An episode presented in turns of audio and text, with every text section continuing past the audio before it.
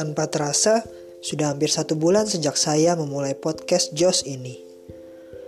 Awal mulanya saya lakukan sebagai bentuk dalam tanda kutip pelarian dari rasa patah hati saya yang saya rasakan di awal Desember yang lalu. Namun sungguh sabda Tuhan bekerja. Tuhan dekat dengan orang yang sedang patah hati.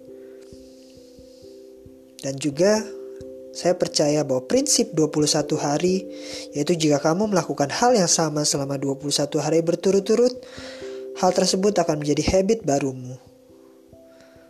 Dan juga apa yang saya rasakan saat ini, saya menjadi selalu rindu untuk bersaat teduh dengan Tuhan setiap harinya. Awalnya memang terasa sulit, khususnya untuk konsisten dalam menyiapkan waktu untuk merekam podcast dan juga menulis mempersiapkan renungan harian ini. Dan akhirnya saya menemukan waktu yang cukup cocok saat ini bagi saya, yaitu malam hari menjelang waktu tidur. Saya menyiapkan renungan harian untuk keesokan harinya. Bersyukur ada renungan harian dari liturgi ya Verbi oleh Pak Sandi Kusuma, sehingga saya bisa memperoleh materi renungan dalam bahasa Indonesia keesokan harinya lebih awal. Terima kasih Pak Sandi. Bacaan hari ini diambil dari Injil Lukas bab 4 ayat 14 sampai 22a. Sesudah dicobai iblis di padang gurun, dalam kuasa roh kembalilah Yesus ke Galilea. Dan tersiarlah kabar tentang dia di seluruh daerah itu. Selama di situ, ia mengajar di rumah-rumah ibadat di situ, dan semua orang memuji dia. Lalu ia datang ke Nazaret tempat ia dibesarkan. Dan menurut kebiasaannya pada hari sabat, ia masuk ke rumah ibadat lalu berdiri hendak membaca dari Alkitab. Seperti Tuhan Yesus yang kembali ke kampung halamannya di kota Nazaret, saat teduh juga menjadi momen bagi saya untuk kembali kepadanya.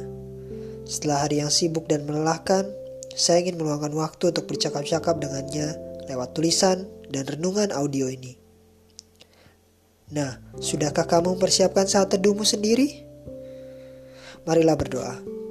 Tuhan Yesus terima kasih atas waktu 24 jam setiap harinya yang kau berikan kepada setiap dari kami. Terlepas dari apa pun kondisi atau status atau jabatan kami.